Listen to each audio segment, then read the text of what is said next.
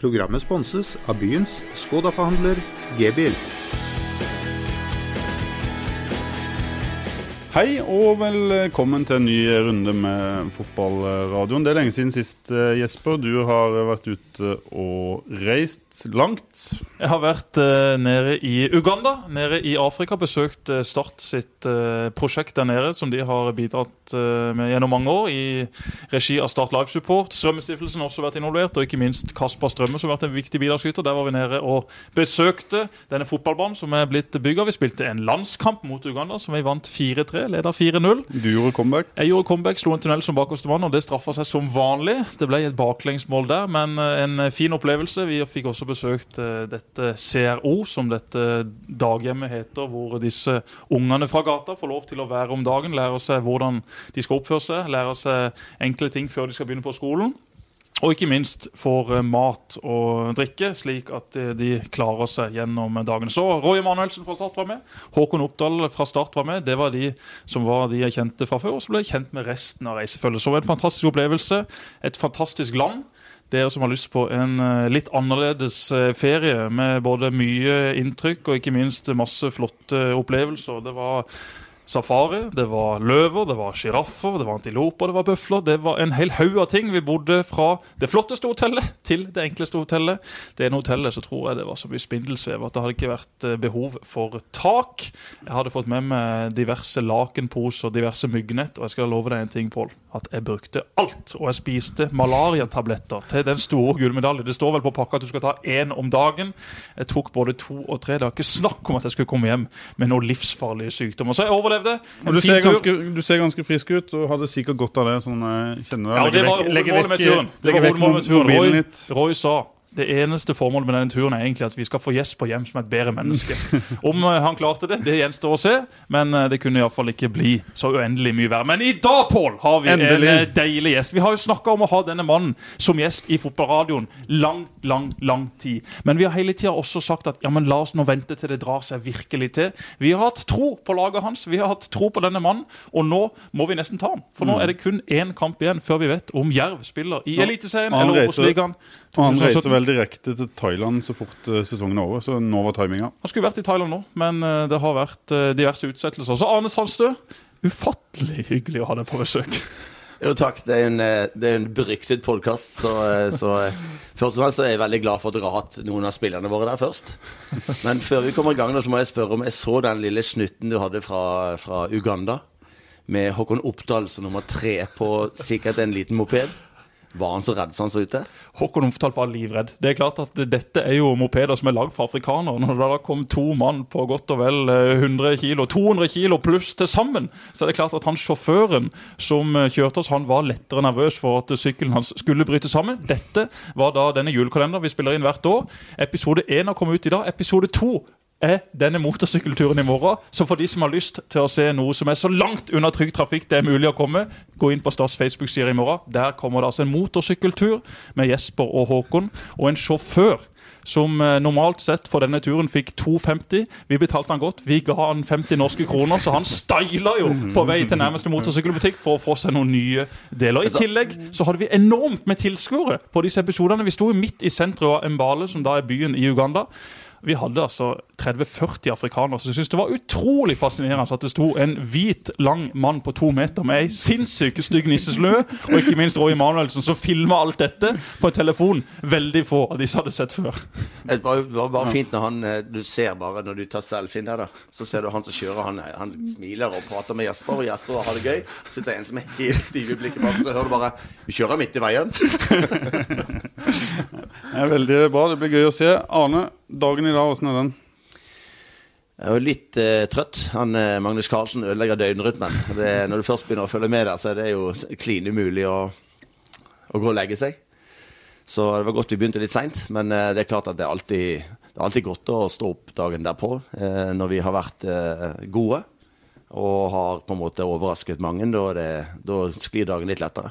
Fortell om forberedelsen og den dagen dere hadde i går fra, fra morgenen Det var jo mye kok. Det var jo ikke bare liksom å møte opp en time før kamp, sånn som en vanligvis gjør. Det var mye usikkerhet i, i forkant. Ja, det, jeg tror det var usikkerhet på alle.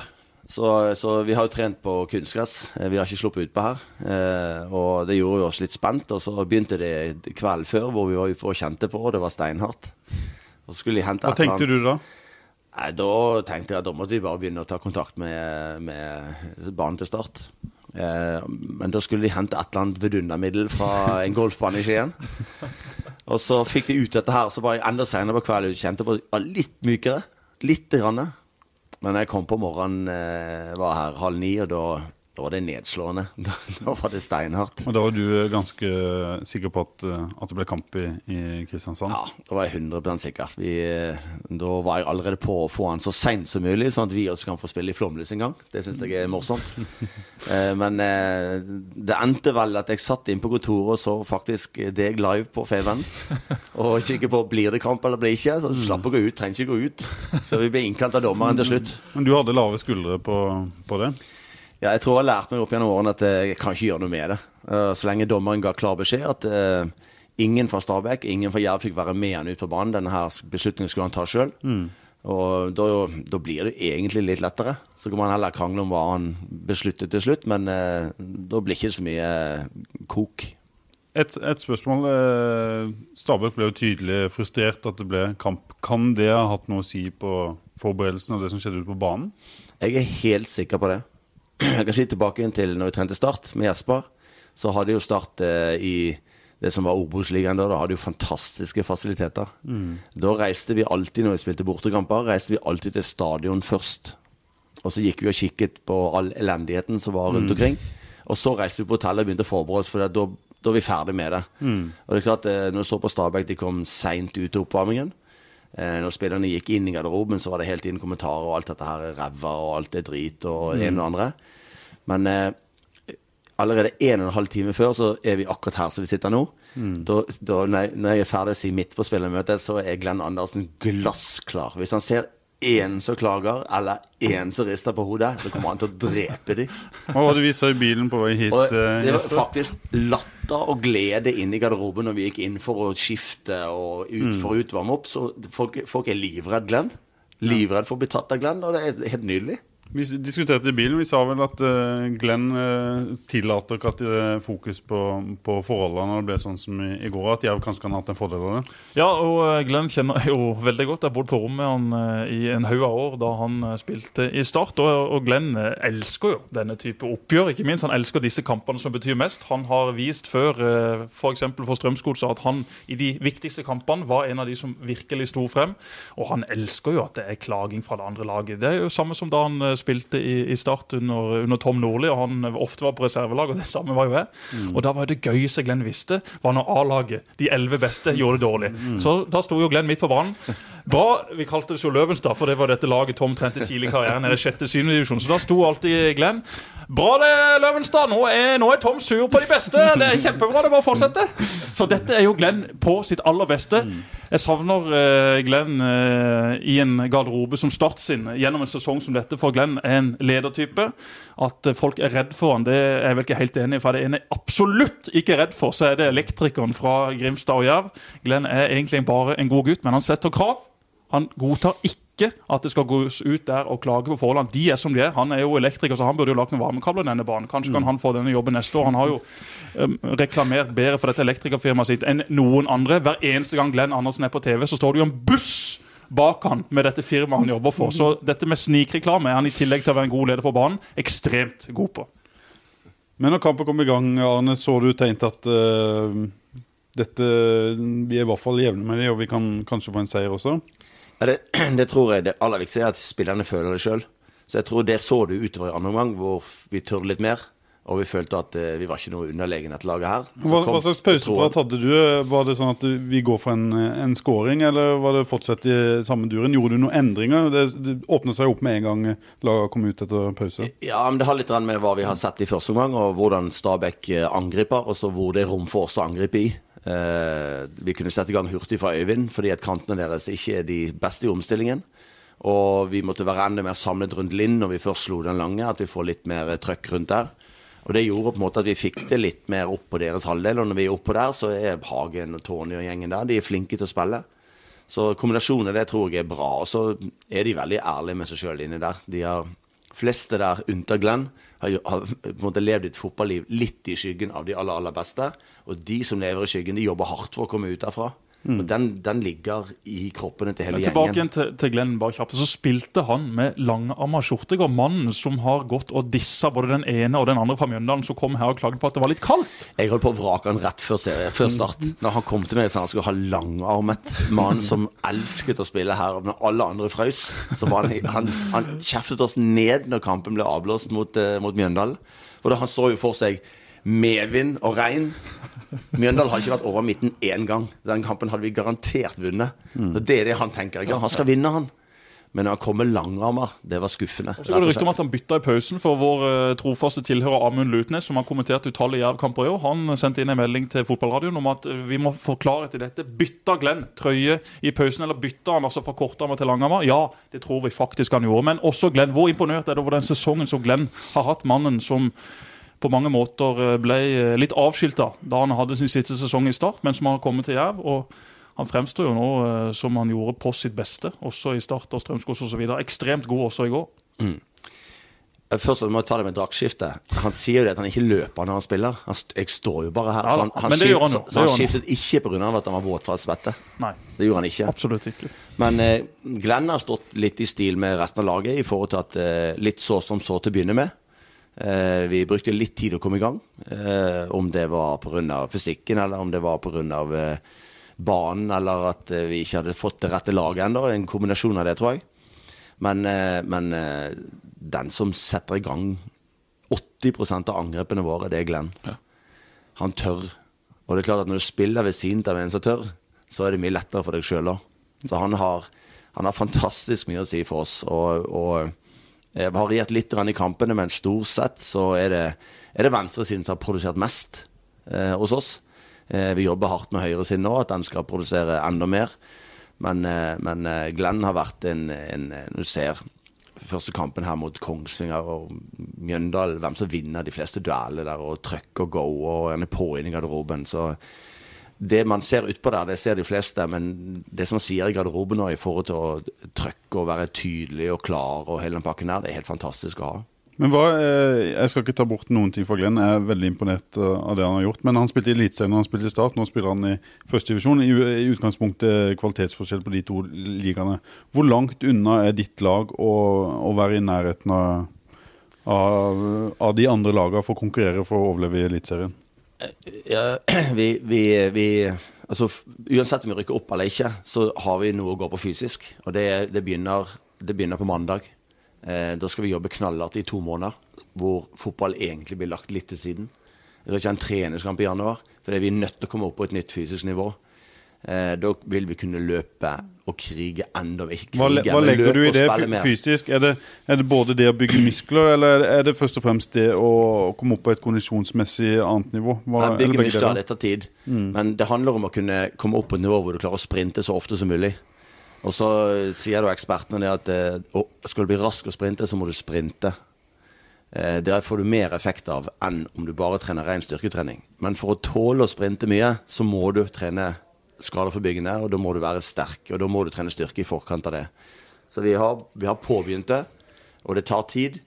Men, eh, men eh, programmet nå vi skal være fra hverandre og ikke ha fellestreninger, det er eh, mye styrke. Og så er det, er det eh, sånn midt imellom intervalltreninger som, som skal være liksom det du får mest effekt av. Som gjør at vi kan få en mye bedre januar enn vi hadde i fjor, for den var så som så. Så du får se en haug med Jerv-spillere som er på 100 meter på, på utsida her, eller? Nei, men eh, vi kan sprinte ti meter mye oftere enn vi gjør. Eh, som gjør at vi blir mye vanskeligere å forholde oss til eh, når vi spiller. Så det er det aller viktigste. At den gjengen som er der nå, hvis vi klarer å beholde elveren i pluss et par til, så er det jækla bra. Da har vi et par unge som er på god vei, som vi må ta vare på. Eh, så må vi selvfølgelig forsterke oss. Vi må ha et sterkt alternativ bak. Vi må ha et sterkt alternativ på midten og et sterkt alternativ eh, som, som konkurrent til Linn. Da begynner vi å nærme oss noe. Da tror jeg vi kan eh, Vi skal klare å, å ta noen poeng i, i tippeligaen nå. Eh, og det tror jeg er det aller, aller viktigste for oss. Det at du er trygg på spillestil 4-3-3 Du har jo Men ta Glenn først, Ja, da, i og med at du begynte med Glenn. Det ja. glemte jeg. Så det handler om å, å, å altså i, ser de som vi ser på hver helg i England, de trener jo ikke laget. Altså, De bygger jo et lag, de. Sant? Vi skal spille sånn, ok, da trenger vi ferdigheter sånn og sånn, og så er det akkurat som legoklosser. Han dekker opp for han, han dekker opp for han. Ja, Glenn er ikke den raskeste, men han vinner hver duell. Han står veldig, veldig, veldig ofte riktig. Og så er han eh, hva jeg glad i. Han er en offensiv midtbane. Eh, altså, jeg tror alle angrep starter i forsvarsfireren. Det var derfor Jesper i sin tid ble flyttet ned. Fordi at han, han, har, han, han, han drikker jo valium. Han har jo ikke nerver. Så han frispilte og spilte. Det var umulig å forsvare seg mot. Glenn er litt sånn. Han fikk bare ikke lov når han spilte sammen med Jesper, kanskje? Han fikk lov et år. Bare, jeg fikk lov et år. Men eh, han fikk lov helt til ikke jeg fikk lov lenger. men, men da er det jo klart at uh, Tønnesen har OK fart. Hvis du har Glenn, og hvis du har en, sånn som vi spiller med Espen i år, eh, eller Nils har vært uheldig, eh, så, så kompenserer du litt. Rann, At det er forskjellige ferdigheter inni dette her. Man da. er rask stopper ved siden av Glenn. eller I hvert fall en som har bra tempo og er flink til å falle av, for Ja, det er eksempel. vekk. Ja, det er veldig godt organisert. Du organiserer jo vekk det du er dårlig på, da. Men Glenn har alltid vært synes jeg, veldig undervurdert på akkurat den fasen han spiller. Jeg har spilt masse kamper med han, og han er kanskje den som har vært mest komfortabel med balla, de har spilt sammen med. Og, og han er kul. Han, han drikker jo også valium til frokost, for han har jo heller ikke nerver. Så sånn sett så kan det jo bli for mye hvis du har to av de. Men, men Glenn, eh, ja, eh, det er kanskje i mine øyne, i tillegg til at han er god i duellspillet, men det er Glenns største styrke i forhold til alle andre norske midtstoppere. At han er ekstremt flink til å uh, sette i gang angrep. Dette var han også god til da han spilte i Start, men spesielt i Strømsgodset lærte han seg veldig mye av dette. Da spilte han også mye back og fikk selvfølgelig masse offensive kvaliteter ut ifra det. Så Nei, vi, vi, vi får rett og slett skryte litt av Glenn. Han pleier som regel å få det glatte laget med både på det ene og det andre, men i dag så fortjener han faktisk litt skryt, denne gamle banen. Men har han slutta å snakke om garasjen i garderoben? For de siste tre årene han var i Start, så snakka han kun om en garasje han holdt på å bygge.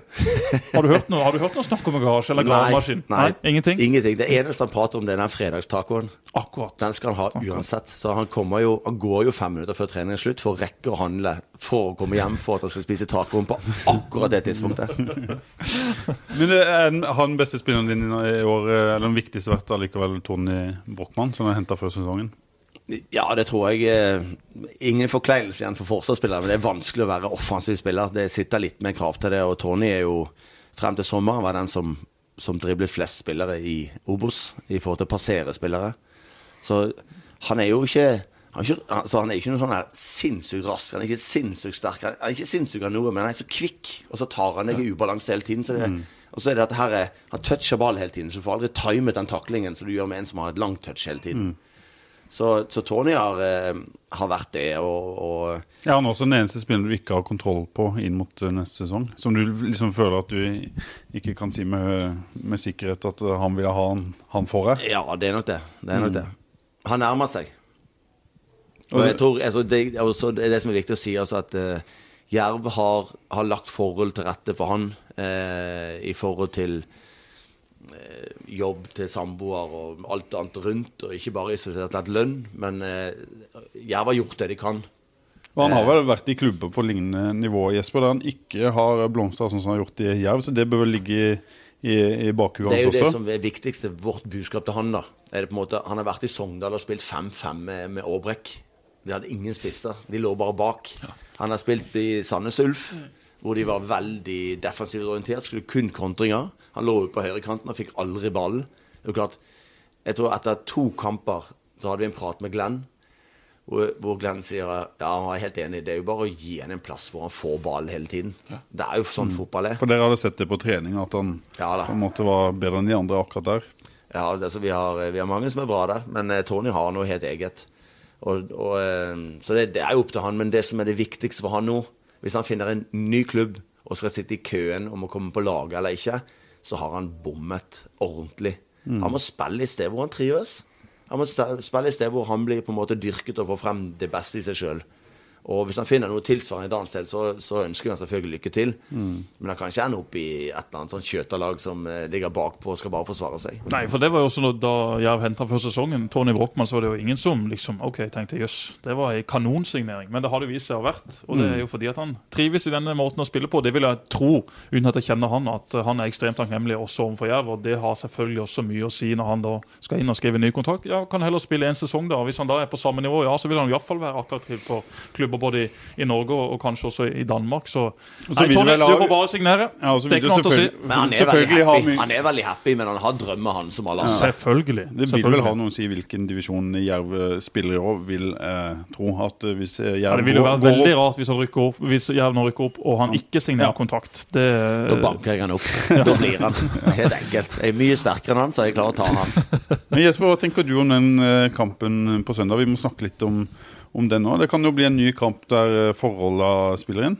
Ja, det blir nok ikke noen kjempeforhold eh, på Nadderud heller på søndag. Jeg forventer jo at uh, Grimstad stiller opp som de aldri har gjort Er før. ikke, er ikke bortefeltet allerede utsolgt, Arne? Jo, jeg så det var Ja. mobilisert om både den ene og den andre bussen. Jeg er jo medlem i denne her supporter- og FK Jerv-gruppa. Der har vi jo fått inn masse spørsmål som vi kan ta etter hvert. Men det er jo fotballfeber i Grimstad. Det er fotballfeber på Facebook. Det er jo helt ellevilt. Så uh, det blir en kamp som Jerv nå er små favoritter i å spille i Eliteserien 2017. Stabæk er selvfølgelig favoritter på hjemmebane, men Jerv har ett mål på hjemmebane. De har null innslupne. Skårer Jerv ett mål, så må også Stabæk skåre tre.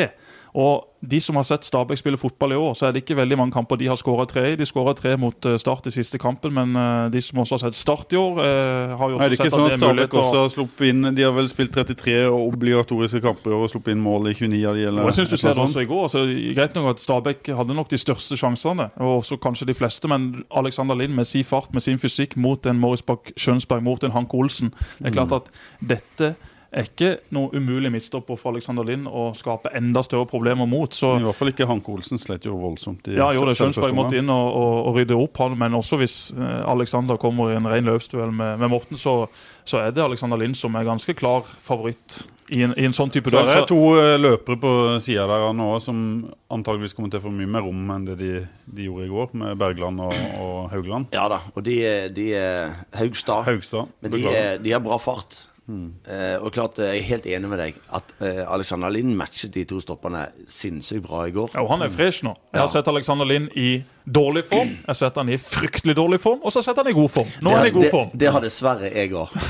Men han, men han takla dette at han skulle spille kamp klokka tolv ekstremt bra. For normalt sett så ligger Alexander Lind enten og sover, eller så spiser han da sin frokost, som er joikakaker, sånn rundt i tolvdraget. Men i går var han våken, i går var han fresh, og i går var han en håndfull for Stabæk på ei dårlig matte. Så Lind du er nok fornøyd om dagen, først og fremst fordi at Liverpool gjør det såpass bra.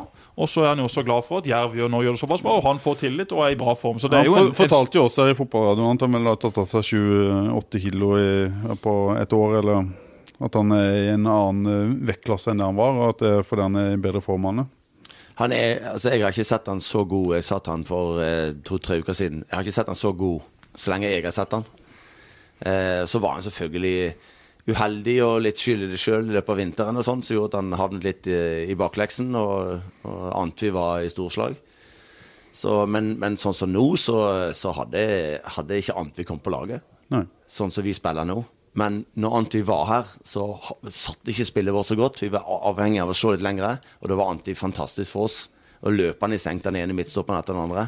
Men etter hvert som vi har ført kampene, så å si alle kampene, så er det klart at Alex som innleggsspiss og litt biff inni der, så har Alex vært strålende for oss. En, en bedre 4-3-spiss enn en Antwi, rett og slett. Ja, Dennis, Dennis passer nok bedre i start enn han gjør hos oss.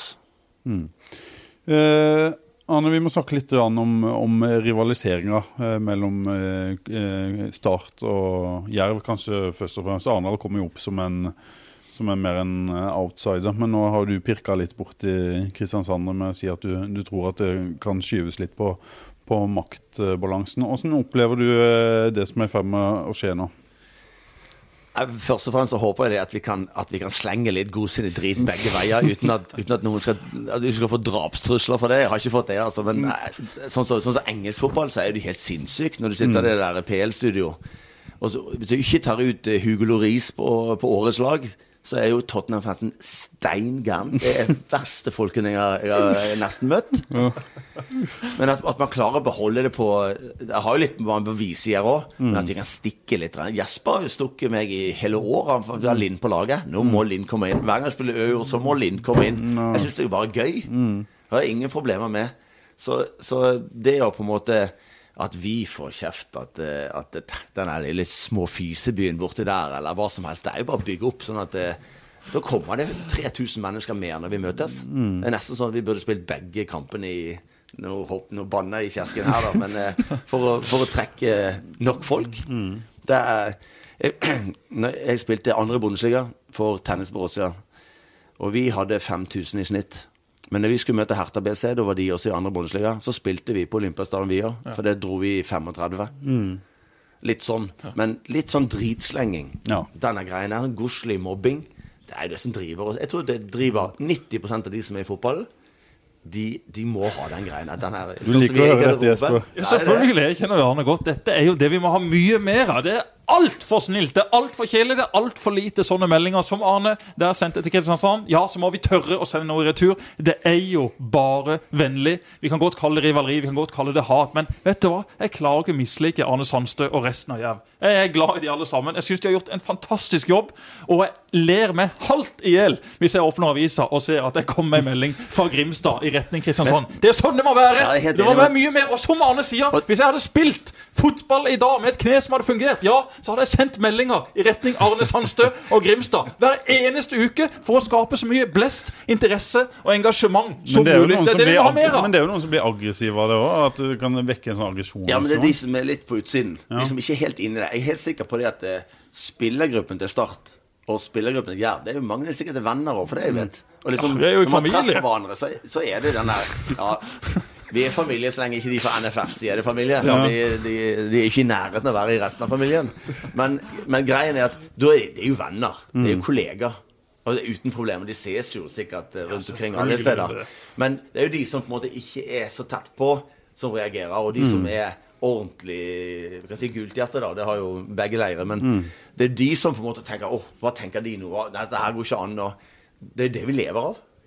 Ja, ja, altså, jeg, jeg syns det er så ufattelig mye kjedelige fotballspillere, fotballedere, fotballtrenere rundt forbi. Jeg var sjøl ute og hamra opp stemninga før kampene mot Rosenborg ofte. og Da fikk jeg kjeft av mine medspillere i garderoben som sa Hvorfor gjør du det, Jesper?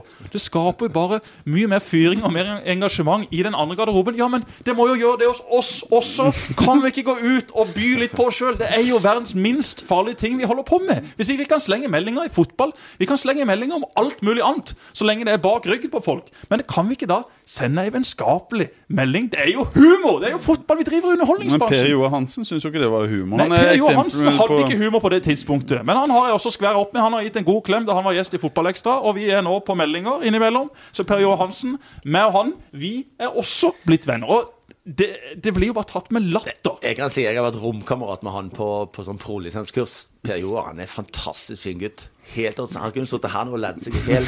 Men det er klart at eh, på et eller annet tidspunkt så er man presset opp i et hjørne og får ja.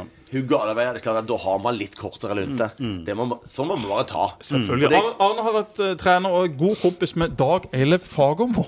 Altså, hvis folk klarer å mislike Dag Eli Fagermo, så skjønner jeg jo ingenting. Se på det lille lure gliset han har hver gang han slenger en melding. Han elsker det. Og han elsker jo at folk blir forbanna og biter på. Må vi slutte å la oss lure? Bli nå heller med på leken! Ja, det, det tror faktisk det er aller, aller Vær med på leken. Rett og slett fyr opp. Selvfølgelig. Det er jo bare gøy. Og så skjønner jeg jo at uh, supportere og, og, og denne type folk selvfølgelig skal det være litt hat, det skal være litt meldinger, og det blir nok på en annen måte. Men vi som står i det, vi som har vært med på dette, ja, vi ler jo av dette. Vi syns jo det er bare. Det er gøy. Det er jo et kompliment at folk driver og slenger meldinger. For hadde vi ikke brydd hverandre, hadde vi ikke brydd oss eh, om hverandre, ja, så hadde det iallfall vært kjedelig. Men det, er- det er sånn en, en klubb som Hvis Jesper slenger drit til, om Jerv, da, før vi skal møte Start Altså Hvis Jerv trenger Altså blir mer motivert av at Jesper slenger dritt, da har du et holdningsproblem. Du har jo det. det, er, det blir litt sånn tabloid greie hvor Å, nå har du, nå har du fyrt dem opp. Det er derfor vi taper. Og dette er, jo, det. det, dette er jo en måte som type Arne kan Da Arne var trener i Start, så husker jeg jeg, jeg ble flytta ned som midtstopper. Der hadde Arne Morten tro på meg. Åpna sånn helt middels, og så ble det greit etter hvert. Og da husker jeg for, den, eh, for det ene spillermøtet etter en, etter en kamp. Da hadde jeg vært skikkelig dårlig. Men jeg hadde vært skikkelig god på trening. Så sa Arne at vet du hva, Jesper, det sa han foran hele spillergruppa. Og, og det visste Arne at han kunne si til meg. Så sier han vet du hva, det nytter ikke å være kaptein Sabeltann på trening hvis du er Pelle og Pysa når du kommer til kamp. Ikke sant? Og det er jo en melding som Arne ikke kunne sagt til alle. Men Arne kjente meg såpass godt. Han er en god menneskekjenner. Han visste at jeg kan si det til Jesper. Så sier jeg det på en fin måte, og så er det en oppvekker for Jesper. Og I tillegg så er det et sitat jeg vil huske resten av mitt liv. Husker du den episoden, Anne? Nei, jeg, jeg, altså, jeg husker akkurat det der Jeg husker det når du sier noe, men det, jeg husker aller best fordi vi, vi trente på, på gamle stadion. Og vi spilte på liten bane nummer fire og fire eller fem og fem. Jesper var, Det er noe av det råeste jeg har sett av spillere som jeg har trent. Når han bestemte seg for å styre den treningen det, det var de andre var B-lagsspillere i, i, forskjell. Helt mm. ærlig. Det, nei, det helt, sånn kunne det være Sånn kunne det være to dager på trening. Og så vet ikke hva han har bestemt seg om akkurat på kampen der, men det Han, han var ikke helt der. Han hadde antakeligvis sittet opp om natta og gambla, da. Eller så har han slitt seg ut i løpet av uken. Jeg vet ikke, men uh, han skulle være frisk i beina sånn. Det er klart at det er klart at Han har forventninger, og jeg har forventninger. Hvorfor skal ikke vi si det til hverandre? Form, mm. altså, det, er jo, det, er jo, det som er litt her òg, i forhold til at man er litt sånn Når jeg kommer, så er det litt sånn Hva skjer her nå? Og så er jeg direkte på min måte, men det er jo på en måte å klare å skape en trygghet, og en trygghet som var her før jeg kom. Og bare bygge opp på den til at de blir litt mer kjent med meg. Mm. Og så gikk det en måned, og så, så er alt greit. Så finner du de du kan spille på i garderoben med det ene og det andre. Og han er jo en fantastisk mottaker, og det gjør jo noe for de andre unge som sitter der da, og tenker wow. Men det er ikke så farlig likevel. Nei. Programmet blir sponset av byens Skoda-forhandler G-bil. Men jeg må pirke litt eh, borti Jerv og Start igjen. Jeg syns dere på en måte eh, putter rivaliseringa litt under teppet. da, For det har jo vært ting mellom klubbene på administrativt eh, nivå, på, med trenere og spillere som har gått mellom klubbene, som har gjort at det har blitt litt ondt blod. Som ikke dere to har vært en, Nei, er, en, en, en del av. Også, og det sitter vel folk borti Kristiansand som for all del håper at Jerv ikke skal gå opp. Og det kan vel kanskje til og med få noen konsekvenser for Start om om, eh, om eh, Jerv går opp? Altså, det der er sånn her eh, det der sånn der, Nei, du kan ikke være samme hund, for jeg var samme hund for et år siden. Mm.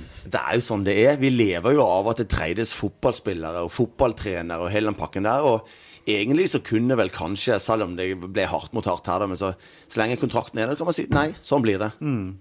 Man kan jo egentlig det, selv om noen prøver å brekke seg vekk. Eller ikke. Jeg sier ikke at Steinar gjorde det. Nei. Men det var jo sånn med Antvi òg. At uh, plutselig dukker han ikke opp på trening. Mm. de prøver jo å pushe noe da, mm. sier seg sjøl. Men, men Jerv styrer, styrer, det meste sjøl. Mm. Eh, men det er jo sånt som skjer. Det er en del Klubb 21-penger i Jerv-systemet nå? Ja, ja, men, men, sånn er det. Mm. Sånn er det. Det er, det, det, er jo, det er, jo, Tenk alle startpengene som ligger rundt omkring i Kristiansand eller Agder-området. Mm. De må jo ha kjøpt løs en, en, god del spillere, og det er jo, det er jo plusset, da. Mm. Eh, minuset er jo på en måte at Start ikke har hatt så mye penger som Rosenborg driftet jo Odd når jeg var trener i Odd. Mm. Vi solgte Frode Johnsen, Jan Gunnar Solli, eh, Rune Jarstein. Mm. Det var, det var 8, 10 og 12 millioner kroner, som gjorde mm. at vi kunne drifte de neste to årene. Mm. Det var en som holdt oss i live. Og det er jo sånn man skulle kanskje ha vært da, i mm. eget område, som gjør at man, man får løftet og fotball rundt seg. Men nå er det jo ambisjoner i begge klubbene om å være en, en uh, toppklubb, og da blir det selvfølgelig konkurranse. Men er det plass til begge i, i dine øyne? Jeg tror det hvis, hvis, denne, hvis denne delen, altså hvis, hvis Øst-Agder våkner opp, da, Mm. Eh, og ta de signalene som er. Og det er ikke bare det er ikke bare, det er ikke bare Jerv, det er, det er, Grimstad kommune. Det er fylkeskommunen. Altså Hvis du ser hva Odd har klart i forhold til Fått en direktør inn som tenker omtale. Mm. Og Vi lo av han til å begynne med. Han skulle plante poteter på taket, og han skulle ha solceller overalt. og hele pakken her. Han har fått det til. De har økt, jeg tror de har økt sikkert med 10 millioner kroner mm. i budsjett etter han kom inn. Minst. Fordi at det omtaler dette her vil sponsorer være med på. De har fellesting i forhold til eh, mot mobbing. De deltar ut i skole. Steffen Hagen, og Jone Samuelsen bl.a. sammen med noen andre. De har et prosjekt ute der som fylkeskommunen syns er jækla bra. Og de er inn med en million, halvannen. Så, sånn eter det bare på seg. Men Kan vi drømme om en gullalder med, med Start og Jerv i Eliteserien? Er, er, det realistisk? Er det lov, eh, Jesper? Det er, langt frem. Ja, det er langt frem, men, det er, jo ikke, er det så langt frem? Ja, nei, det Jerv er en, en, en eh, kamp unna å rykke opp i Eliteserien, og Start vil jo naturlig være en av favorittene til å rykke opp Ja, eh, men, neste men år. det er sånn, da må vi snakke om ting som er litt vekk fra fotball igjen. Mm. For jeg tror at på, på, på sport, så, så lenge de får tilført de midlene som trengs, Mm. så kommer begge to til å rykke opp før eller siden. Men, men det er jo det problemet det at man er en særlig klubb. Man blir plukket fra de beste, og så må man Mm. begynne på nytt igjen hele tiden. Men det er jo sånne ting sånn at eh, tribune her Så er det sånn at eh, vi kan få en sånn B-lagstribune hvis vi ikke rykker opp. Men hvis vi rykker opp, så får vi en A-lagstribune. Men for at Jerv skal bli god en, en dag, så bør vi få en A-lagstribune med en gang. Få den godkjent av kommunen. For vi må jo betale den stort sett det meste sjøl, men kommunen bare godkjenne det. Hvis vi får en A-lagstribune, så får vi 400-500 hver kamp mer her. Som gjør at det genererer mer penger. Det genererer mer sponsorer, og så har du hele, hele den ballen som ruller. Og så har vi plutselig et sterkere lag. Og det er begrenset hvor mye vi klarer å trylle som, som trenere, Jesper. Ja, selvfølgelig. Det er Ni av ti ganger så er det jo Ja, det er jo det. Altså, hvis man ser på de, ja, ser på de store ligaene rundt forbi i Europa De lagene som har mest penger, de lagene som bruker mest penger, de gjør det best. Det er veldig få ganger. Vi har Leicester i fjor, selvfølgelig i Premier League, men det er jo veldig, veldig veldig sjeldent at det kommer sånne lag som har ekstremt lite ressurser, og plutselig skulle klare seg. I Norge så er det nok lettere enn det er i England, Spania, Tyskland osv., for differansen er jo for så vidt stor, men den er jo ikke i nærheten av så stor som han er i disse ligaene. Nei, og så, så det er steget som må tas, da. Sånn som når Jerv har prestert godt nå to år, så øker jo markedsverdien for spillerne. Akkurat sånn når, når Start nå, når det er sikkert, sikkert alle litt ned i lønn, eh, rykket ned. Men rykker de, vinner de, så forventer alle litt lite hopp. Og så hvis de da plutselig kommer som nummer åtte, eller nummer seks, så forventer de plutselig vi, vi rykket opp med Odd, og det er ingen som tjente noe av all verden. Og så vant vi cupfinalen. Det var kanskje det verste som kunne skje sånn lønnsmessig for klubben, for plutselig skulle alle ha mye mer lønn. Vi er jo cup Ryan Reynolds here from Mint Mobile. With the price of just about everything going up during inflation, we thought we'd bring our prices down. So to help us, we brought in a reverse auctioneer, which is apparently a thing. Mint Mobile unlimited premium wireless. Ready to get 30, 30, bit to get 30, bit to get 20, 20, 20, bit to get 20, 20, bit to get 15, 15, 15, 15 just 15 bucks a month. So, Give it a try at mintmobile.com slash switch. $45 upfront for three months plus taxes and fees. Promo rate for new customers for limited time. Unlimited more than 40 gigabytes per month. Slows. Full terms at mintmobile.com. mester. Det er jo Norges beste lag, eller iallfall i cupen. Og det er klart at skal du, være, skal du klare å følge opp den biten der, fortsatt er druelig, så må, du, må det tilføres mer midler.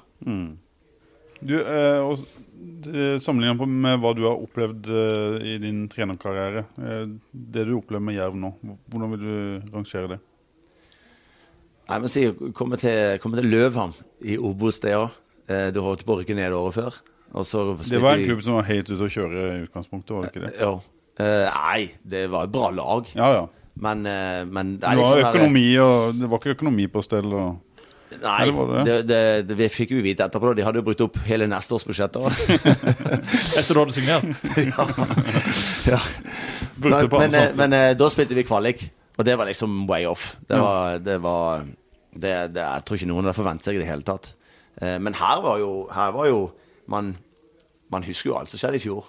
Så selv om mange her er på en måte livredd for å rykke ned, og i og med at nå er det omregulert, nå blir det vanskelig å rykke ned, da. Neste år så du får litt mer ro, kan planlegge litt mer.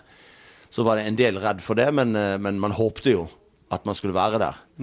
Så, så dette her er, er oppi der. Det er gøy å vinne cupfinalen, det kan jeg si. Men, Mm. men å rykke opp med Jerv, det hadde vært eh, fantastisk stort. Og hvis det stemmer det som jeg leste her, for det var ingen lag fra denne regionen som det stemmer. Har vært oppi, oppi Heter det Eliteserien eller Tippeligaen? Neste år heter det Eliteserien. De har jo lagd en ny, eh, flott eh, logo, og den eh, kommer da til å hete Eliteserien, ikke Tippeligaen. Så det må vi bare begynne å bruke med en gang, Arne. Så hørte du sa Tippeligaen i stad, men det heter altså Eliteserien. Ja. Det er klart at det hadde vært fantastisk her. Og, jeg, og bare det så tror jeg det at det, det er det som Sogndal har opplevd, det er det som eh, Sandefjord har opplevd. Ved å rykke opp så får du så mye blest at eh, investorer, sponsorer, alt, de løfter seg. Klubben tar en del steg. Og så hvis du da skulle rykke ned igjen, så har man det så mye i korridorene her at det er lettere og lettere å poppe opp igjen, fordi at folk vet hvordan det var. Og norsk fotball syns jo det er gøy med eh, Askeladd med overraskelser. Vi har sett hvordan Mjøndalen sjarmerte Tippeligaen og det norske folk. Eh, Jerv har jo et litt dårlig rykte nå i norsk fotball, fordi at de kampene som folk har sett, har jo vært når det har vært en banehaute som har vært helt fryktelig. Mot Start i fjor, mot Mjøndalen i år, og denne kampen mot Stabæk i år. Sannheten er jo at Levermyr normalt sett er fin og grønn gressmatte, det. Men det har jo det vel også at Jerv er et eh, spillende fotballag Selvfølgelig, som men det har vi eh, ikke sett i disse kampene. Nei. Det har jo I den ene kampen vært vannpolo, og de to andre ble spilt på betong. Så Jerv har jo kommet litt urettferdig ut av dette. Men hvis de skulle rykke opp, så er jeg helt sikker på at Jerv kommer til å sjarmere det norske folk med måten de spiller fotball på, med de profilene de kommer til å ha. Det kommer til å være masse gøy rundt Jerv. og derfor sitter jeg i Kristiansand og så håper jeg på den ene sida at Jerv ikke rykker opp. Fordi jeg har lyst at det skal være tre lag fra Sørlandet neste sesong. Det hadde vært veldig gøy for oss som jobber med norsk fotball at det hadde vært et ekstra eh, krydder i den litt grå Obos-ligaen. I tillegg så unner jeg alle i Jerv å rykke opp. Deilig å høre det- at han begynner å bli nervøs allerede for tronskiftet. Hørte du det? Ja, ja. Jeg håper han ikke ikke rykker opp. Han tenker å si det, da. Det er ikke noe tronskifte. Det har Arne vært ute og sagt, og det er det jo selvfølgelig ikke. At Grimstad med er det 11 000-12 000 innbyggere de har her, skal bli den største klubben på Sørlandet. Ja, de kan godt være det neste år, men det vil jo selvfølgelig normalisere seg. Det er klart at Sparebanken gir fem til en til oss istedenfor til Start, det er klart at da drar det seg til. Da, da er det kniven på strupen. Sparebanken Sør de tjener 100 millioner i, i måneden, så de burde egentlig ligge 50 millioner hver i året til både Jerv og Men de har jo en Start. eh, mann som heter Ugland, som eh, Ja, det, hvis og det har jeg alltid kan- sagt. Og det har, jeg, det har jeg også fleipa med. Og da fikk jeg, om ikke drapstrusler, så fikk jeg iallfall trusler på mobiltelefonen min da jeg sa at hvis Jerv vil, så kan Jerv bli den beste klubben i Norge. For de har enormt med penger i banken. Og ja, jeg visste jo at Jerv ikke bruker mye er penger. Jerv, Jeg, det er ikke Jerv som har de pengene. da Nei, nei, men det er jo det, det, men det var jo min måte å si det på. Det må jo folk skjønne. det er viktig å forstå det. Det er jo ingen herre Jerv som er ute etter at vi skal få inn 100 millioner og bruke de samme dagen. Men det vet jeg, også. jeg vet jo hva, jeg vet jo hva halve Jervsdalen tjener. Jeg er jo så god venn med alle disse gutta. Jeg vet jo hva de tjener. Jeg vet at Arendal tilbyr dobbel lønn, og derfor får de henta spillere. Jeg vet at Jerv driver flott, de driver edruelig, og de driver ekstremt godt. Jeg vet at min gode venn Ugland ikke pøser inn penger her, men hvis han vil, en eller annen dag, ja, så kan jo han i teorien bli Norges svar på Roman Abramovic. Og da nytter det ikke å sitte borti Start med et sponsorbudsjett på en 20-30 millioner. Da er man selvfølgelig sjanseløse. Men så lenge Ugland ikke gjør det, ja, så tror jeg at maktsenteret i fotball vil ligge i Kristiansand. Han lovte deg noe, eh, hvis det blir oppbruk, eh, Arne, i form av, av spillere eller Nei, det, men eh, han er, han er ekstremt interessert. Eh, og og jeg er en kompis med Andres Hagen. Ja.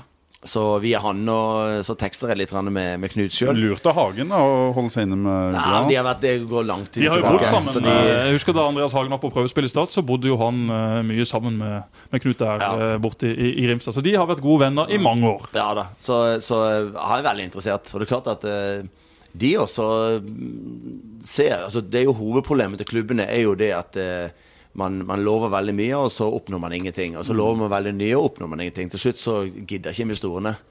Men, men her nå så har jo på en måte de siste tre-fire årene har jo bare vært sinnssykt bra. Og de ser at det nytter det som skjer.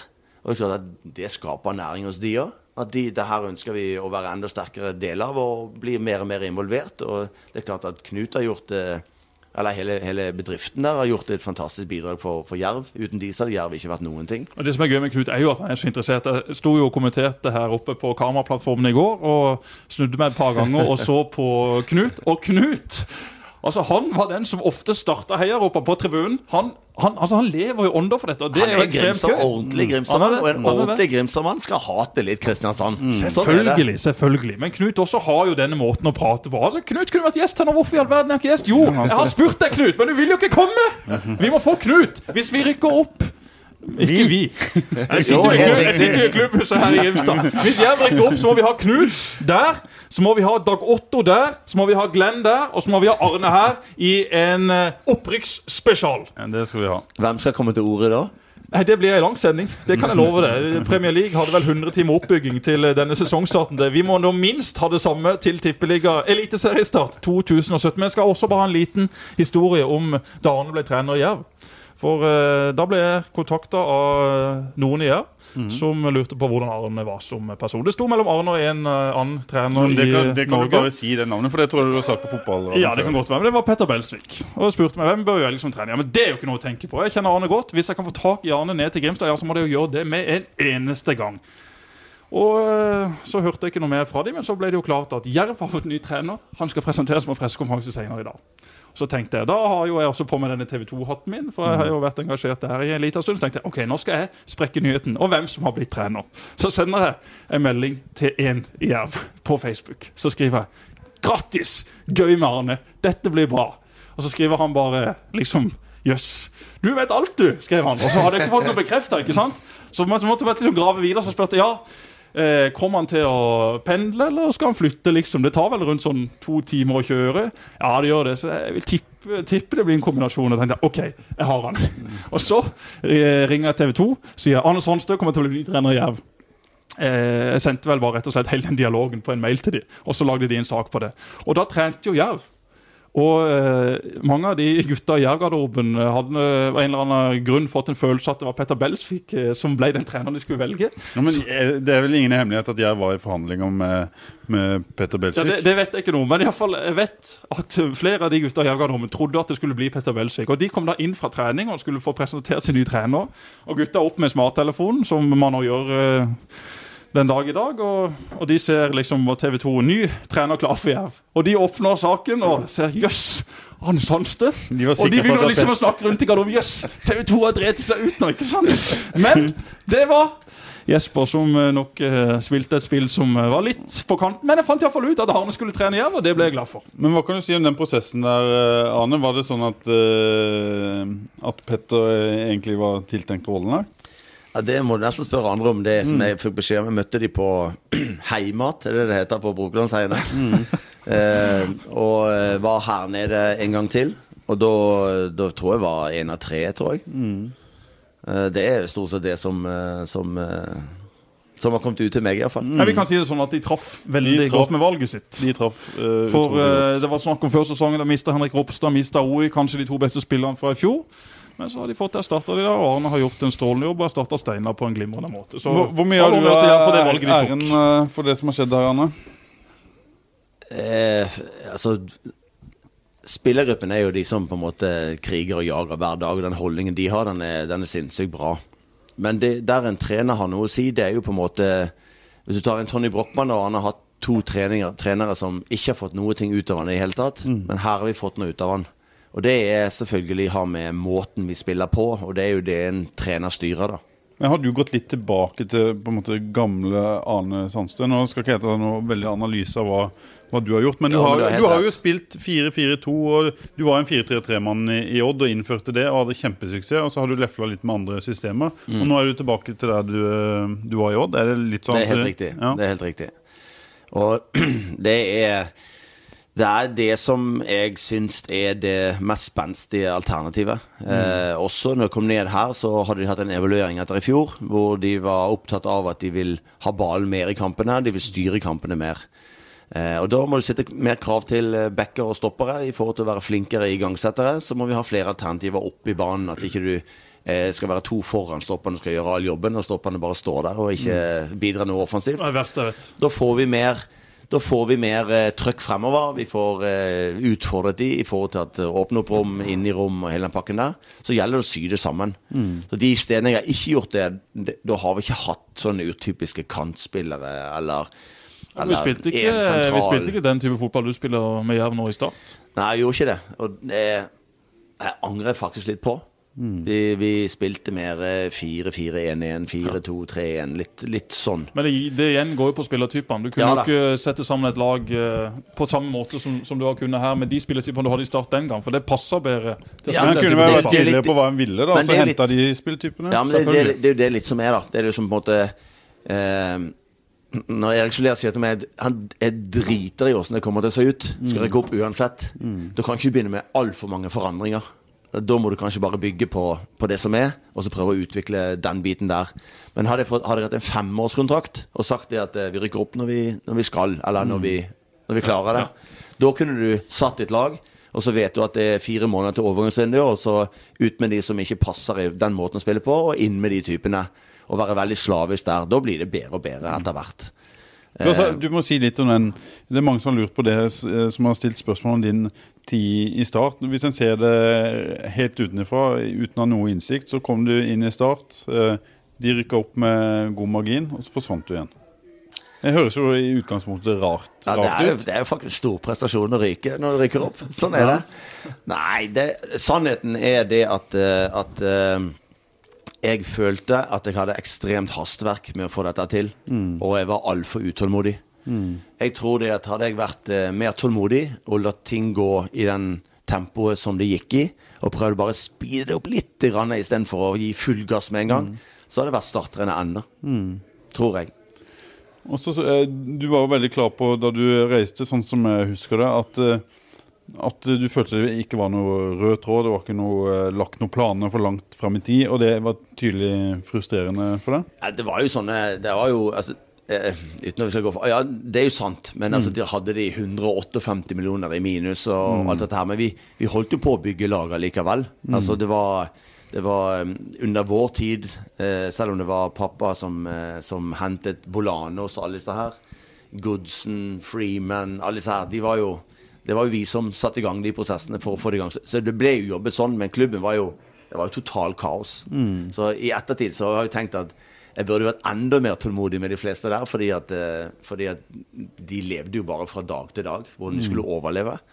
Så jeg tror det at eh, eh, Og så var det jo en del ting som de, de, jeg, ble kalt inn Eller jeg fikk eh, spille Bård Wiggen kom løpende inn på kontoret og sier ja, klubben har signert en ny spiller. Nei, resignert Jesper.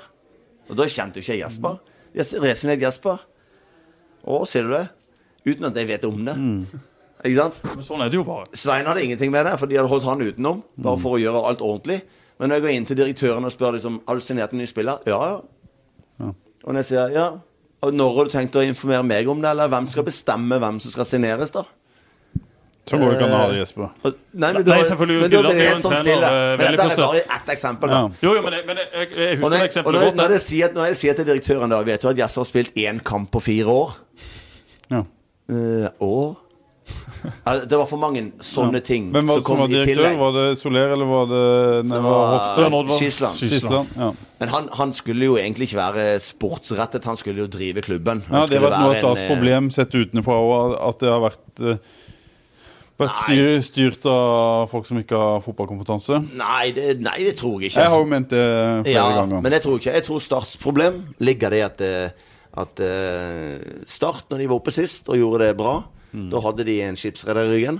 Og de hadde Solere og Ravnås som pumpet inn penger. Og fikk til den stadion. Klarte å trumfe gjennom det. Mm. Da var Start gode sist. Og gangen før det igjen, det begynner å bli ganske lenge siden, da hadde de en sinnssykt god generasjon som kom opp. Mm. Og jeg tror timingen til til at når Jan Halvor trente de opp Han burde egentlig ikke rykket opp det året, når uh, alle disse unge Doffen og, og Strømstad hele gjengen kom. Så rykket de opp, så rykket de ned igjen. Men når de da kom opp inn den gangen der, da var de moden. Da, hadde de, var de, da var de jo U21, nesten A-lagsspillere i par av de, og så, så var det full guff. Så fikk de inn da Tom, som var flink med start, på akkurat den biten i forhold til spillet, og var tydelig i spillet. Da var Start gode. Men det- det du sier er at Start da tilfeldigheter som gjør at Start har vært Start gode. har for få venner. Ja. Tenk på alle klubbene som de har vært i krig med i alle år i Kristiansand. Mm. Tenk på alle pappaene til de spillerne som er der. Tenk på alle de pappaene som er ansatt i firmaer som er potensi- potensielle sponsorer. Den greien der Mm. er problemet til Start. I forhold til det å ha økonomi nok, er det jeg mener, å drive en tippeligaklubb. For det koster noe, altså. Det koster mye penger. Og der er man ikke. Men Odd har jo klart dette uten å på en måte ha et økonomifokus. Eh, handler det ikke om å, starte på nytt og så gjøre de riktige tingene med utvikling og, Jo, helt og, klart. og, og finne det er jo på gang i start nå. Ja, ja. Nå kommer det vel et eller annet eh, toppidrettsgymnas, eller hva det kalles der nede. Og det er jo, Mm. det er, Odd er jo blitt den maskinen med alt inni, innenfor, eh, Mm. innenfor stadion der. Det er helt sinnssykt hva som er blitt kommet der til nå. Mm. Og det er jo det er jo der Altså det er jo der som er trøbbel til start nå. Skal man da nå gjøre det edruelig? Skal man bygge opp eh, alt rundt? Mm. Og så skal vi rykke opp eh, om to år. Tenk hvis han hadde sagt det, da. Da hadde vi iallfall tatt over tronen. Fordi at da er Men folk så du utålmodige. Men tenker de du at burde- sånn det da ser ut hadde du sagt da. Ja. Mm. Men det burde de gjort, antageligvis. Og sagt at rykker vi opp, så er vi kjempehappy. Og vi skal ligge oppe i toppen. Da er vi kjempehappy. Men går det ikke i år, hvis vi vet at det vi holder på med nå, det er ordentlig, det vet vi er en suksessfaktor, så rykker vi jo før eller siden. Men det er jo problemet hvis du har hastverk. Da går du på Ja, det er hver sesong med kvelertak. Og jeg husker eh, vi var innom eh, pappa. Pappa mente eh, i sin tid at Start burde bli slått konkurs.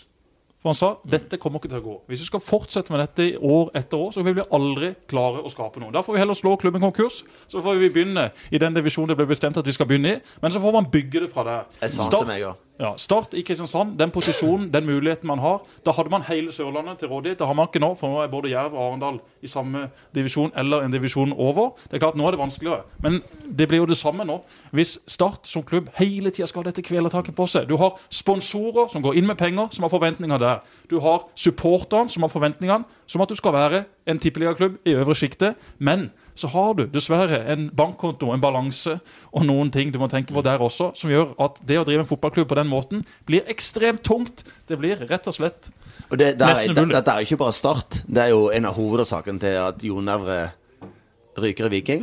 Det er fordi at det, Hvis de sitter fingrene i jorden Jo, hva er det Viking har, da? Jo, de har en brukbar førsteelver, og så er det helt tomt på utsiden. De må kjempe i nedre halvdel neste år, mest sannsynlig. Eh, og så vil de allikevel gå ut og si vi skal ta medalje. Men Jon er er en, får- han er jo en trener som vil hente inn uh, spillere som vil styrke laget, og som lever her, han, og lever ikke ånde for, Ja, for men det- Vikings det handler om, å det handler om å vite hva du har for noe.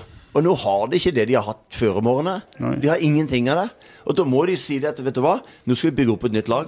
Jeg synes det de, de har gått ut og sagt nå skal vi satse ungt, og vi skal ta vare på sånn og sånn, det er bra, det. Mm. Men det er ikke bra at de kvitter seg med Jon men Everett, som ikke er en sånn Da eh, kan ikke gå ut samtidig og si vi skal bli noe, vi skal, skal ta Europa. Nei. Men så kan de heller ikke gå ut og si at vi har ikke penger. For Viking brukte fire millioner for sesongen. De ga en feit signing on-fit til Abdi, som ble henta hjem, som ikke slo til. Og de brukte halvannen million på to nye nigerianere som ikke var i nærheten av å slå til. Bare så vi får det Ja på det rene. Ja da. Det er treneren sitt ansvar. Det er klubbens ansvar, ikke det? da? Eh, Nei. Altså, det er noe, vet ikke Ja, men- hvordan det er der, men, Ja, men er det ikke sånn i altså, Det er klubben ansvar, men det er jo meg som det er jo, Det er du som får svi hvis det går galt. Ja, ja. ja. men det er jo meg som henter Tony, og hvis Tony hadde sett ut som en pølse hele året, Ja, så hadde det gått utover meg. Men han koster ikke fem millioner kroner. Det er vel et, eh, et poeng. Jeg mener jo at klubben må og, øh, Hvis de sier at de skal være en ut, utviklingsklubb, så må de ikke bruke fem millioner på å hente to nigerianere og to øh, klassespillere. Nei, men samtidig kan jeg godt forstå at de gjorde det fordi at de henta Ja, ja. to nigerianere like før i, i Abdullahi og Adeg Benro, som ble solgt for 20-30 millioner til sammen. Så de har det er det samme med Start som henter de. Dulie Johnson, Sei Olofiniana når det begynner å brenne under dem, og så går de bort fra det at de skal tenke langsiktig og bruke unggutter og spille Ja da, inn men, men eh, rollen. ikke, ikke det bare siste overgangsvindu i sesongen, bare for å prøve å redde det. Jo, det har det, det, er jo, det er jo helt eget, da. Ja, ja. Sant? Men, men nå Hvis du hadde hentet Hvis du hadde hentet to altså Det er jo det de sier med Lyn. Lyn sin hele opptur hang jo på Miquel. Den standarden de satte på NTG og på lyntreningen hver dag. Mm. Folk måtte jobbe livet av seg for å henge med. Og så plutselig hadde Lyn halve U21-landslaget. Mm. Det, det, du må ha noen sånne òg. Mm. Det, det tror jeg er veldig viktig. Men da må de komme inn nå, da. Eller har, har man har spillere på hospitering gjennom året, og så fra 1.1. så er du der, så har du det hele året at ikke det er en som kommer fem minutter før seriestart. Og det er verre igjen. Vi må få tatt disse spørsmålene også som har kommet i denne gruppa fra folk. Og så må vi bare avslutte med. Arne og Start. Jeg Det synes det var veldig leit at Start eh, og Arne ikke samarbeider lenger. For jeg trivdes ekstremt godt eh, under Arne. var egentlig han som redda min karriere sammen med Morten Ørningen, Som flytta meg ned fra spiss- og midtbaneplass til midtstopperplass. Jeg hadde noen knær som hadde fått altfor mye juling, og da var det vanskelig å spille der fremme. Da fant vi en litt mer behagelig posisjon der bak, som etter hvert endte opp med å bli litt Kaptein Sabeltann også i kamp. Der sitter en, han Morten som han sitter i, i Skien, og når han ser startkamper, han får tårer i øynene hver gang Jesper var ut fra første stolpe og headet innleggene vekk. Ja, da, da blir han myk i kroppen. Ja, Morten Rønningen, han, eh, For en god mann. altså. Han er en god Den mann. bamsen han er assistenttrener. Han var jo litt lenger enn Arne, og så forsvant han også etter hvert. Men han ble jeg skikkelig glad i. Og Arne og Morten, to av de beste og ikke minst morsomste trenerne har hatt. Så Jerv og Odd, dere som nå er i besittelse av disse folkene, dere er heldige. Jeg la ut en melding på supporter av FK Jerv sin side på Facebook. Jeg er, redd, jeg er litt redd for folk der inne. da ja, de, altså, eh, ja, for å ta det, Vi måtte jo kjøre inn i Grimstad sentrum i dag med sota glass. For etter Pål Jørgensens eh, artikkel her om at eh, det, de, det Jerv leverte mot Kongsvinger, ikke ville holde mot Stabæk, så har jo du fått den ene trusselen etter den andre, og ikke minst meldinger i går. Hva syns du om kampen i går, Pål? Det har du selvfølgelig blitt imponert over òg. ja, ja. Det er jo sånn det skal være. Ja, det skal være jeg- jeg syns det er fint var at folk lar seg Det var kanskje ikke akkurat det du mente som noen av mottakerne oppfatta at du mente. Nei, jeg bare mente at uh, et, et, kanskje tente en liten gnist i Jeg vet ikke. Jeg, jeg kan kanskje tippe at Arne er enig i at uh, det var ganske mye kvalitetsforskjell på det han leverte i går, kontra det Ja, men i, så, i går ikke noe høydere heller. Altså, Vi har vært mye bedre enn dette her. Nei, men på den banen i går, da, hvor Ja, bra kan det være? Nei, nei, helt klart. Men vi viser Hvis at du de... går til en blind frisør, så kan du ikke få den feteste frisyren. Nei, jeg skulle sikkert vært mer positiv mot uh, Jerv, så det, det må jeg beklage at eh, det ble en litt sånn Men du er jo greie. positiv men- til Jerv. Du må ingen Ja, ja. tro at eh, fordi du er andalitt og elsker Kristiansand overalt på jord, så, så hater du Jerv. Du liker Men Jerv de akkurat som du liker her Men de unnskyldte det på brakken her. De sa det at det, det, er, det er ikke annet å forvente av en fra Arendal som bor i Kristiansand. Det er jo sånn det blir. jo det er fryktelig kan- dårlig kombo. Det kan ikke bli verre. Men vi må jo vi får se om det vinduet her åpner seg, for nå har jo pensjonistene treff der inne etterpå. Det er klart Vi skal ikke gå forbi det, Jørgen. Så for det første så husker ennå Jerv at jeg kasta ut den ballen på banen i fjor. For det andre så husker de den artikkelen du skrev sist uke. Men det er mange hyggelige folk også i denne supporter av Jerv-gruppa. Det er ekstremt mange spørsmål, så vi kan ikke ta alle, men vi kan ta fra Geir Magne Karlsen. Spør hvem av de unge som ligger best an til å bli det neste som tar steget opp i førsteelveren.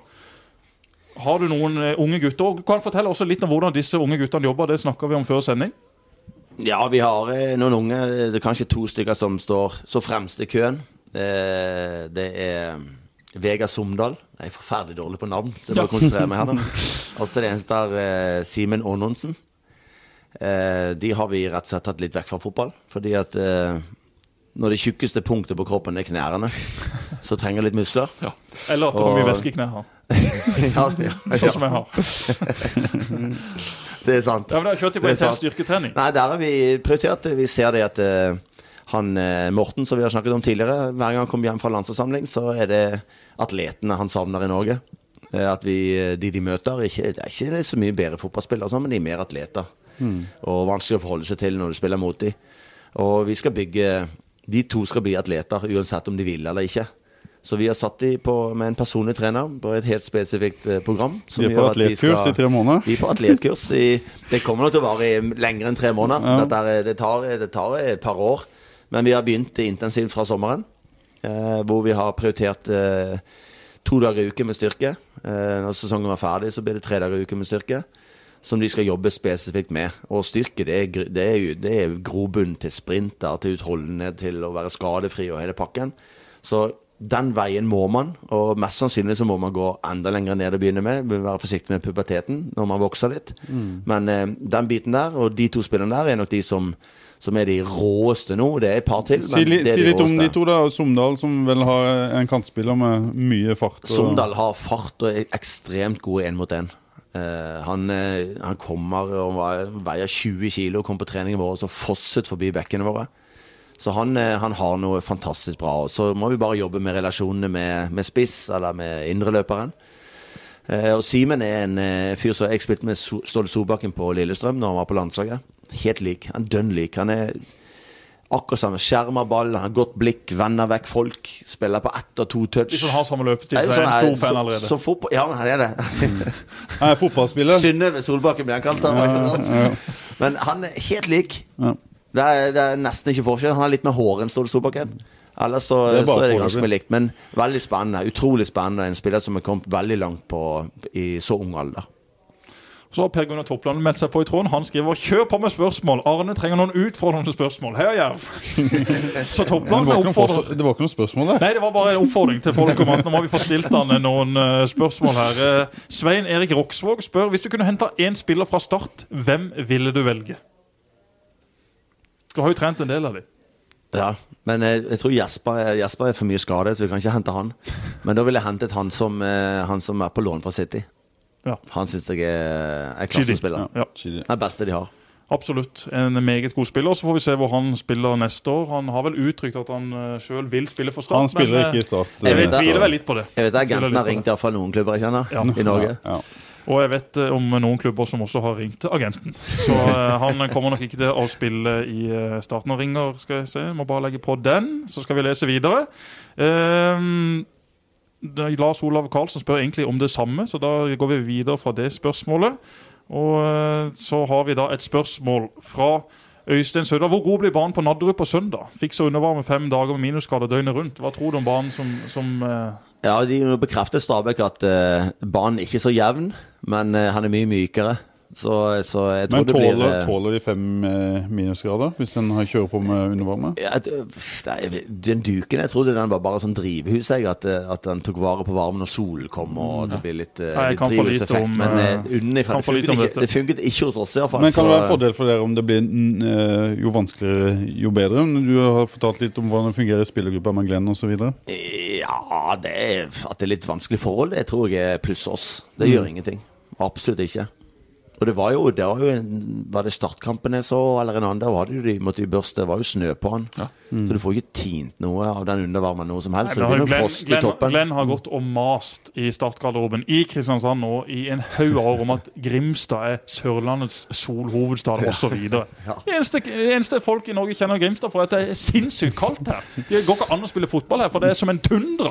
Det Så Glenn Andersen må slutte å snakke om det der vaset der. Det er masse sol i Kristiansand. Det så du da du passerte fylkesgrensa og kom hjem solbrent. Men at det er masse sol her borte, ja ja, det er sol akkurat nå. Men Ja, det det er er vel en av de men, få altså, men det må jeg si, jeg trodde det var noen uker her eh, i forkant av denne, her, eh, denne Mjøndalen-kampen hvor jeg faktisk hver gang jeg våknet opp og trodde jeg var hjemme i Bergen. Har vi også flere spørsmål fra eh, Bjørn Thomas Kjølsrud. Hvem er den beste bordtennisspilleren i støtteapparatet? støtteapparatet? Er dette noe interne greier dere holder på med å spille bordtennis? Bordtennis. Har jeg spurt shuffle, så det er det meg. Det er ingen, de andre kaster shuffle. Jeg, jeg spiller shuffle. Ja, ja, men du er jo en spiller. Har, har, har føling. Men eh, bordtennis så tror jeg det at eh, alle er så dårlige at det Nå tar vi en sånn som Romerikes Blad, at de kåret ikke årets beste spiller på Lillestrøm, for ingen hadde vært god nok. Nei, og jeg satt i komiteen som skulle kåre årets eh, dommer i år, og der var det to stykker i komiteen som faktisk mente at vi skal ikke dele ut årets dommer. Det vært så mye dårlig dømming. Men eh, det ble banka gjennom at vi må komme opp med tre alternativer, og den vant jo til slutt Tore Hansen, som var mitt fremste alternativ. det fikk du for, ja. Og jeg syns Ja, han han er har vært strålende. Ja, Han og han har spilt fotball. ikke sant? Fotballforståelse kan ikke kjøpes på butikken. Tore vet veldig godt hvordan han skal håndtere spillere Må vi bare få sendt han ut i, i Europa Ja, og og så skal verden vi i få sendt store han inn i kamper. fotballradioen. Han har jo lova å stille opp her mot at jeg ikke skal slakte han i de neste årene heller. Vi får se hvordan det kommer til å gå. Og så et spørsmål eh, som vi for så vidt eh, var innom, men Knut Syvertsen spør på hvilket punkt er det Jerv har mest å gå på dersom det blir spill i Eliteserien 2017? Da, eh, da skal vi bruke vinteren på å, være enda bedre fysisk. Helt klart. Bedre fysikk. Alle. Større kapasitet, så vi kan løpe og jobbe enda hardere og enda mer. Løpe fortere og oftere. Det er det vi har mest å gå på. Det var egentlig de spørsmålene eh, fra supporterne til Jerv sin side. Nå har vi, nå har vi vi har lenge. Nå sitter lydmannen her og, og lager sånn uh, Tar en halv Per Mose er litt stressa over at vi snakker kjenner, oss jeg eh, kjenner bort. lunsjen nå til disse, til disse her gjengene ute i Hervet. Men hva, hva tror du om kampen på søndagene? Hva, hva slags kamp får vi til slutt? Nei, litt uh, må inn og se på banen først. Uh, men eh, er det så de sier at den er ujevn og, og ikke så bra, så, så kan det bli, eh, bli litt krig. Men legger Eh, du opp litt taktikk etter å ha sett banen? Nei, vi, nei, altså vi prøver å fremstå som vi skal. Men, eh, men det er klart at hvis, hvis det bakre fire føler at det blir risiko å, å rulle for mye og bearbeide for mye, så må vi gå mer direkte. Ja. Og da er det bare én bearbeiding, og så er det opp. Så får vi samlet laget i samme retning. Eh, At ikke halve laget står og hopper på noe, mens resten av laget står på noe. Det, Men det, kombinasjonsspillet ønsker du allikevel på ja, hvis det, en klarer å det er ofte sånn opp på deres halvdel. Ja. Vi må klare å involvere, involvere Hagen og Tony. Mm. Klarer vi det, så, så klarer vi å få spill på deres halvdel. Og de, hvis de er flinke til å starte foran han, så, så klar, kommer vi garantert til å klare å skape noe. Kunne du hatt bruk for en Bernt Hulsker i eh, OKs lag eh, i kampen på søndag? Ja, jeg, er litt usikker på om Hulsker vet hvilken dag i uken det er når han står opp om morgenen. Han- Men har du Hulsker- har du en historie om han? Hulsker er jo den lateste mannen Fotballspilleren jeg har hatt i mitt liv. Han, han, trodde, han var litt den gamle generasjonen da, Så han Vi spilte Kan være dere kan arrestere meg Men jeg var i start så tror vi vant 5-2 mot Alta Eller noe sånt Tromsdal eller Alta stemme, I første kampen Jeg tror det var Alta. Og Hulsker skårte to mål Uken etterpå så Han var så dårlig på trening Han mente at så lenge han kunne Ha en sånn tap-in goal fremme og skulle ikke han løpe hele treningen Og jeg spurte etterpå Hulsker, hva syns du om treningen din? Ok, jeg skåret mål. Han var så dårlig at til og med Bob Borger, som spilte på lag med ham, hadde strupetak på han.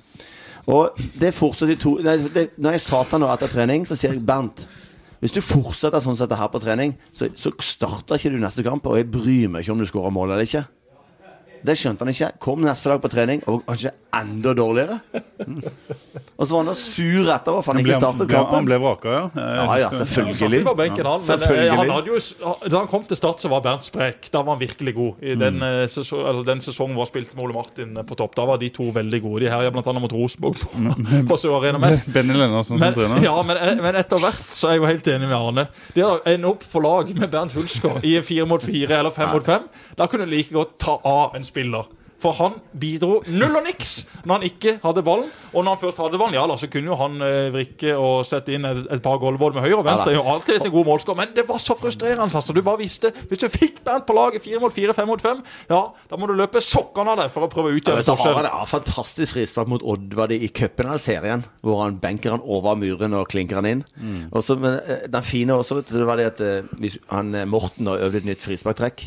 Hulsker var involvert. Fikk han ut på feil side av muren egentlig og klinket han i hjørnet. Satt så bare Julian på trening, og det satt første kampen vi spilte òg. Og Rønningen og Hulsker, disse her blir det mange av. Vi så de aldri. Men Bernt også var jo en, en type som, som du gikk veldig, og går, for så vidt veldig godt overens med. Ah, ja. Det er jo en, en person som er på samme kanal som oss. Det er typer som er fantastiske å ha i garderoben. Du kan spille på de, de har glimt i øyet, tar seg, sjøl ikke høytidelig, ikke minst. Og så har han fine der hvor Skisland, som, eh, som var ordfører, eh, var ikke så vant inn i fotballgarderober. Så han spurte meg liksom når sesongen begynte om, eh, om Bør jeg være der eller ikke? Så sier jeg, Som direktør så syns du du bør komme inn, og så ønsker alle lykke til. Gå runden og ønsker alle lykke til, og så kommer du inn etter, og så bare takker han for kampen. Og spesielt etter, uansett om vi har vunnet eller tapt.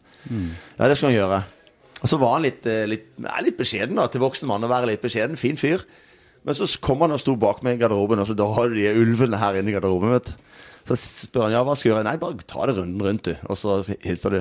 Og så kom bort til hjørnet til Hulsker, vet du. Han hadde ikke, ikke klær på seg. Så han begynte med sokkene. Så han sto liksom fremoverbøyd med trynet inn mot skapet. Og Skisland sto en halvmeter og så på ræven der og turde ikke. Men hadde det vært Jesper, så hadde han slått han på ræven. Så hadde du fått action. Men Hulsker enset ikke han, vet du. Så han sto litt sånn rødmusset bakover og ventet på at den ræven skulle forsvinne. Nei, men sånne folk er uvurderlig å ha i garderoben. Det er det. Siste spørsmål. Hvem er den i jervgarderoben? Det, det er, der er Glenn er jo mer markant når det er inn mot kamp. Veldig tydelig. Og når det er møter og sånn, så er Glenn veldig markant. Eh, men du har, du har utrolig mange med veldig lun humor. Du har en, eh, har en Kristoffer Myhre, for eksempel. Han, har, han er jo verdens eh, Hva kalle den latteren der? Det er hyling. Når han ler, så hyler han. Men alle begynner å le av han igjen. Og så har du, har Doffen. Doffen er litt sånn halvveis sinne skrotte, som folk ler av. Uh, Ulrik, uh, ja, Knoll og Tott, disse to kantene våre, de er jo Jeg er ikke sikker på at de vet hvilken dag det er, de heller. Men når de konsentrerer seg, så er de jækla gode. Så det er, det er veldig mange å spille på inni der som, er- som på en måte har, har glimt i øyet. Så det, det er flere av de. Men du, du har kanskje ikke den der eh, ekstreme eneren. Vi lar det bli siste ord. Takk for at du var med, Arne. Og Takk for at jeg endelig ble invitert. lykke til på søndag. I en haug av måneder, men vi har vært enige. Vi må vente til det virkelig drar seg til, og det gjør det jo på søndag. Jeg gleder meg til å inn og kommentere kampen. Jeg gleder meg til å se Jerv enten i Eliteserien eller i Obos-ligaen. Jeg håper selvfølgelig på det siste at ikke disse her Men lykke til, må vi si. bandittene fra eh, Grimstad rykker opp. Ja da, lykke til i hermetegn. Takk, takk. Programmet ble sponset av byens Skoda-forhandler G-Bill.